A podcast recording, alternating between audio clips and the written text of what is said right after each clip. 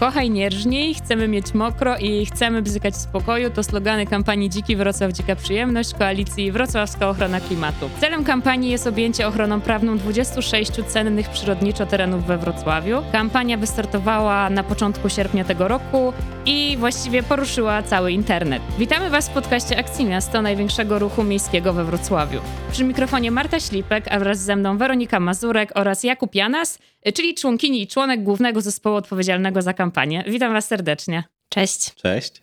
To tak może na początek chcielibyście powiedzieć, czym tak naprawdę jest WOK i jak on powstał, skąd się wziął ten pomysł? WOK to jest koalicja Wrocławska Ochrona Klimatu, o której właściwie niektórzy aktywiści, niektórzy akty, niektóre aktywistki zaczęły rozmawiać już ponad dwa lata temu. Celem powstania tej koalicji miało być wzmocnienie środowiska aktywistek i ekspertów we Wrocławiu. Koalicja zrzesza tak naprawdę różne ruchy i różne inicjatywy. Niektóre z nich są bardziej formalne, niektóre nie. Niektóre są po prostu takimi ruchami bardziej sąsiedzkimi osób, które zebrały się wokół jakichś terenów cennych przyrodniczo we Wrocławiu albo po prostu cennych społecznie. No i chodziło o to, żeby stworzyć taką platformę i takie środowisko, które będzie się wspierać. Wspierać się po to, żeby oddziaływać skuteczniej, oddziaływać oddziaływać na władze miejskie, żeby skuteczniej podejmować różne inicjatywy, które mają na celu poprawę jakości życia we Wrocławiu, bo one jakby mogą skupiać się na różnych na różnych aspektach tego życia we Wrocławiu, tak jak różne ruchy, różne inicjatywy zajmują się tematami klimatem, transportem, ochroną przyrody, e, jakością powietrza we Wrocławiu na przykład. Kampania, którą teraz realizujecie, nazywa się Dziki Wrocław, Dzika Przyjemność i właściwie dlaczego akurat taki cel został wybrany? No bo wiecie, tak jak właśnie wspomniałaś Weronika, jest bardzo dużo różnych celów, które można by było realizować. To dlaczego akurat ta przyroda? W tej naszej koalicji, która zrzesza, tak jak powiedziała Weronika, 20 26 ruchów, to właśnie ta przyroda była gdzieś tym, tym wspólnym elementem dla nas wszystkich. No i ona też chyba jest takim naj, najprostszym do opowiedzenia elementem dla w ogóle ludzi. Coś, co jest im e, najbliższe, coś, co obserwują codziennie. A też drugim takim czynnikiem było to, że wrocławska przyroda, czyli jeden z członków koalicji, zaczęła ten projekt już, już trochę wcześniej, więc mieliśmy taką e, merytoryczną podbudowę pod to, żeby właśnie ruszyć z tym e, dużo głośniej, dużo dużo bardziej. Zostały wybrane ponad 20 różnych obszarów które są cenne przyrodniczo. Dlaczego akurat te obszary i jaki tak naprawdę one mają związek z adaptacją miasta do zmiany klimatu lub czy w ogóle mają jakikolwiek związek? Te obszary zostały wybrane przez ekspertów i ekspertki z właśnie z wrocławskiej przyrody. E, oni nazywają je priorytetowymi obszarami we Wrocławiu i tak jak ja to rozumiem, to są takie obszary, które są bardzo cenne przyrodniczo, to znaczy możemy tam spotkać właśnie e, różne wyjątkowe gatunki zwierząt i roślin. One też są cenne właśnie ze względów klimatycznych, to są często doliny rzek, czyli tereny takie, które są właśnie na przykład podmokłe. I to, co też jest charakterystycznego dla tych terenów i to, co je łączy, to to, że one są zagrożone z różnych powodów. One są zagrożone właśnie jakąś chaotyczną zabudową, są zagrożone tym właśnie, że zmienia się tam jakby ten mikroklimat i te tereny wysychają, czyli jakby to środowisko, które służy różnym zwierzętom, po prostu zmienia się. No i jest tam, są różne powody i różne zagrożenia, które są tam widoczne. Czy z perspektywy ekspertów WOK to będzie trudne i kosztowne dla miasta, jeśli miasto zechciałoby zmieniać te tereny? I nie wiem, jak wygląda ten proces? Co, co trzeba było zrobić? Ile to potrwa i jaka musiałaby być wola? Tutaj trzeba powiedzieć, że jakby takie formy ochrony, które, którymi byśmy chcieli objąć te 26 terenów, e, są trzy. Pierwsze dwie, czyli użytek ekologiczny i zespół przyrodniczo-krajobrazowy ustanawia Rada Miejska. I do nich nie potrzeba tak naprawdę jakichś wielkich e, inwentaryzacji, wielkich sprawdzań tych, tych terenów. Zasadniczo wystarczyłaby dobra wola zarówno prezydenta, który taką uchwałę na przykład by napisał, jak i Rady Miejskiej, która by do tej uchwały się przychyliła. To już w zasadzie tyle. Jakby wówczas możemy mówić, że mamy użytek, że mamy zespół przyrodniczo-krajobrazowy. Troszkę ciężej jest z rezerwatem, bo tam trzeba wykonać faktycznie inwentaryzację i rezerwat jest ustanowiony przez regionalnego dyrektora ochrony środowiska, nie przez Radę Miejską. Natomiast to też nie wydaje się być aż tak e, kosztowne patrząc na to, jak cenne są te tereny. Patrząc też na proporcje, no to my wnioskujemy o powstanie trzech rezerwatów, a 23 pozostałe tereny są właśnie użytkami bądź zespołami, czyli znakomita większość tych terenów i objęcie ich y, ochroną prawną właściwie jest proste i leży właśnie w, w gestii Rady Miejskiej. To brzmi jakby kampania miała w przyszłości przynieść raczej sukces. I właśnie, jak już mówimy o sukcesie, to pytanie do Was, czy uważacie, że to, co się wydarzyło od początku sierpnia, można uznać za sukces? Jakie osiągnęliście zasięgi i w ogóle co się wydarzyło w sieci? Ja bym powiedziała, że mamy dwa sukcesy na koncie. I jeden z tych sukcesów to rzeczywiście jest zasięg kampanii, bo w pierwszym tygodniu jej trwania udało nam się zebrać półtora miliona odbiorców. To jest bardzo dużo. Nie spodziewaliśmy się takich zasięgów. No i rzeczywiście ta kampania wywołała dyskusję, wywołała poruszenie. Zobaczyliśmy i usłyszeliśmy bardzo dużo wsparcia ze strony osób, które odbierały naszą kampanię znakomita większość bardzo jakoś kibicuje nam, widzimy, że obserwuje i też y, mamy wrażenie, że chce zostać z nami w kontakcie i śledzić losy kampanii, bo też dołącza do takiej grupy facebookowej, w której możemy o tej kampanii bardziej rozmawiać. I ja widzę rzeczywiście, że ta społeczność wrocławska się trochę jakoś budzi, bo nawet teraz sprawdzałam dzisiaj, co się w tej grupie dzieje i zobaczyłam właśnie, że niektóre osoby update'ują się co do właśnie chyba mokradeł przy lotnisku, czyli pokazują sobie, że mokradła wyschły albo że woda wróciła na mokradła. Także czuję, że jest jakaś energia i zainteresowanie tym tematem. Też to widziałam i też miałam taką myśl, że wow, że w ogóle ktoś chce się tym podzielić z innymi ludźmi, że to się dzieje i że została zrobiona jakaś zmiana i ta przyroda działa. No, a jeszcze jest taki drugi sukces, który jest, e, który jest naszym sukcesem jakby wewnętrznym koalicyjnym. Ja mam poczucie, że jakby ta kampania i to, że ona rzeczywiście była głośna, była, jest i mam nadzieję, że będzie głośna w mediach, wniosło też jakąś nową energię, chęć do tego, żeby działać razem i też takie poczucie, że właśnie to działanie koalicyjne i działanie w zespole takim, który jest bardzo różnorodny i się uzupełnia, po prostu przynosi efekt. No i to uważam za drugi sukces. To ja bym jeszcze dołożył trzeci, bo już trochę po, po starcie naszej kampanii prezydent Wrocławia ogłosił, że pola irygacyjne zostaną najprawdopodobniej rezerwatem. Myślę, że nasza kampania też miała w tym e, swój udział, pomimo tego, że oczywiście prace nad prace inwentaryzacyjne na polach irygacyjnych trwały już od dawna. Myślę, że tutaj też nasza kampania zdecydowanie przyspieszyła decyzję w urzędzie i to, że stosowny wniosek zostanie złożony. Ja, ja też właśnie jak sobie czasami czytam te komentarze pod postami, gdzie większość ludzi pisze dzięki, dzięki, że jesteście, tak, to jest takie super, dziękuję, że działacie, to naprawdę aż mam wrażenie, że sobie mogę to czytać w momentach, kiedy potrzebuję poprawić sobie nastrój, żeby widzieć, że bardzo wiele osób, które są gdzieś tam istotne w świecie kultury czy aktywistycznym we Wrocławiu widzi te działania i je docenia. E, No i czy już wam się zdarzyło iść ulicą i żeby ktoś was zaczepił i powiedział dzięki, dzięki, że pracujesz dla klimatu? Nie.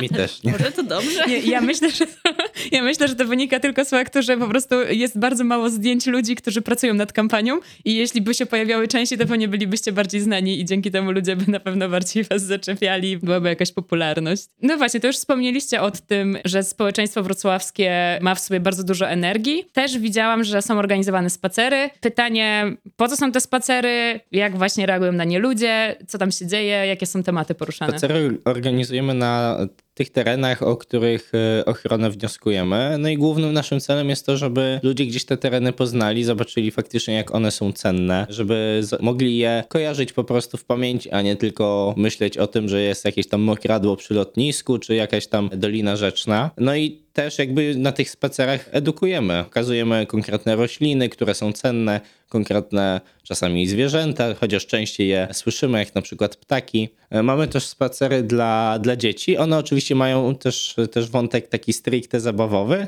natomiast przez tą zabawę dzieci mogą lepiej poznać, zżyć się z tymi cennymi terenami.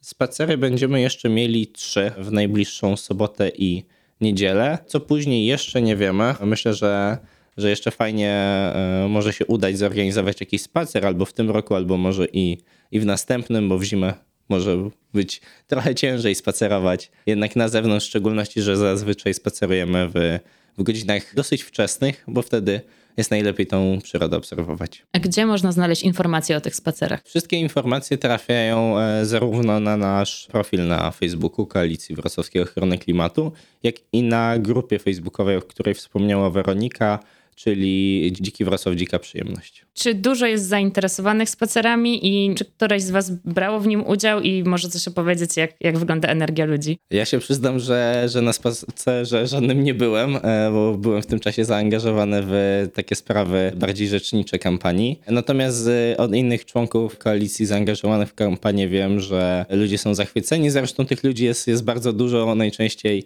zapisy na spacery zamykamy kilka dni przed, przed ich faktycznym wydarzeniem się, bo też nie możemy oczywiście w, w jakichś wielkich grupach chodzić na te tereny, żeby e, przypadkiem nie zniszczyć przyrody. A jakie są kolejne kroki kampanii? Kolejnym krokiem na pewno jest to, żeby zacząć angażować trochę mieszkańców to znaczy mieszkańców i mieszkanki Wrocławia. Prezydent Wrocławia nie przychylił się do naszych postulatów, ale jakby nie, nie, to, to nie on decyduje o wszystkim, co we Wrocławiu się dzieje. My chcemy i walczymy o to, żeby, żeby właśnie te osoby zamieszkujące nasze miasto mogły też decydować o tym, jak się w nim żyje i jak w nim jest. No i ponieważ czujemy, że to my musimy wyjść z inicjatywą, to otóż właśnie to zrobimy, czyli będziemy mm, wychodzili z inicjatywami obywatelskimi to będą obywatelskie inicjatywy uchwałodawcze. Będziemy zbierali podpisy od mieszkańców i mieszkanek Wrocławia. Te podpisy jakby potwierdzają, że oni są za tym, aby te tereny chronić prawnie. Czy macie jakiś cel, jeśli chodzi o ilość podpisów? Ustawowe czy uchwałowe minimum mówi o, o 300 podpisach, natomiast my celujemy znacznie wyżej, bo czujemy to, że że dużo więcej wrocławian chciałoby się podpisać, że dużo większej liczbie wrocławian zależy na tym, żeby te tereny chronić. Wspomniałaś też o tym, że prezydent nie przychylił się do większości wniosków i też wcześniej Kuba mówił, że pola irygacyjne zostaną ochronione. To jaki jest stosunek pozytywnych i negatywnych odpowiedzi? Tak jak wspomniałem, pozytywna odpowiedź w zasadzie była tylko jedna do pól irygacyjnych. Też było kilka takich odpowiedzi, z których w sumie nadal nie wiemy. Też je oznaczyliśmy jako nie wiadomo, tych, tych terenów było kilka.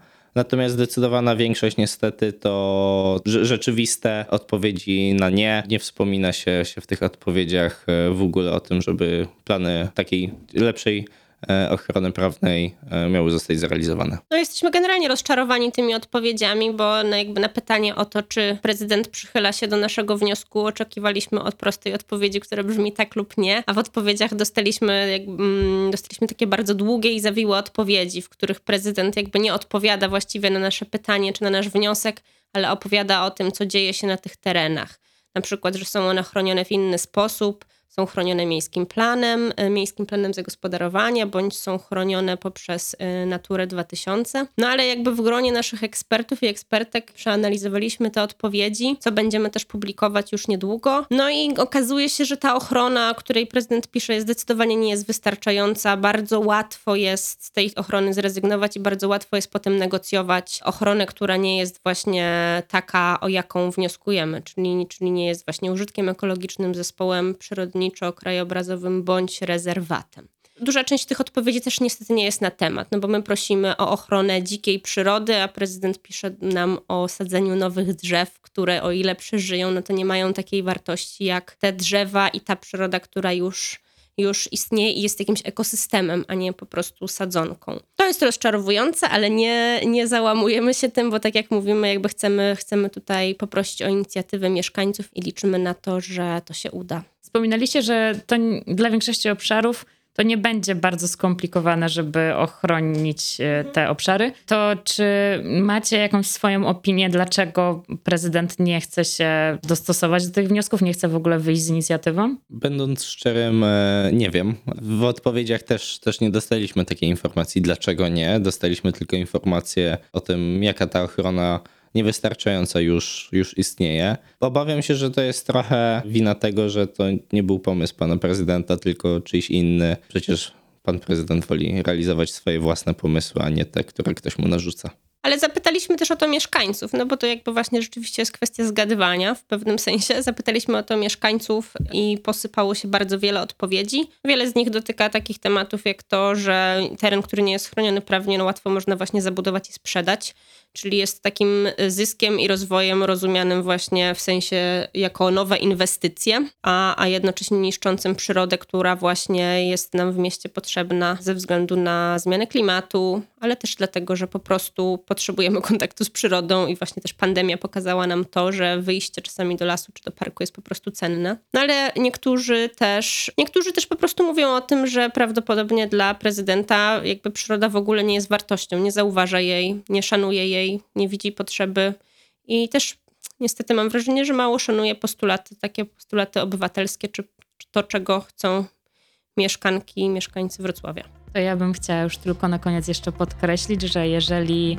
ktoś chciałby w jakikolwiek sposób zaangażować się w działania, to dobrze jakby dołączył do grupy Dziki Wrocław Dzika Przyjemność i tam już pewnie niedługo będziemy informować o tym, e, gdzie można złożyć podpis pod uchwałami e, tak, Obywatelskimi. pod uchwałami obywatelskimi.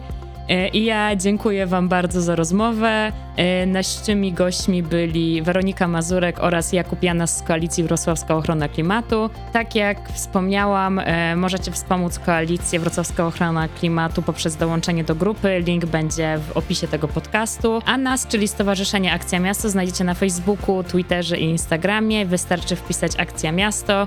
Zapraszamy także na naszą stronę akcjamiasto.org, gdzie możecie poczytać więcej o tym, co robimy i do nas dołączyć. Rozmowę przeprowadziła dla Was Marta Ślipek, produkował Arek Młynarczyk. Do zobaczenia wkrótce i jeśli chcecie, żebyśmy poruszali jakiś temat, dajcie nam znać przez social media. Do usłyszenia. Dzięki, cześć.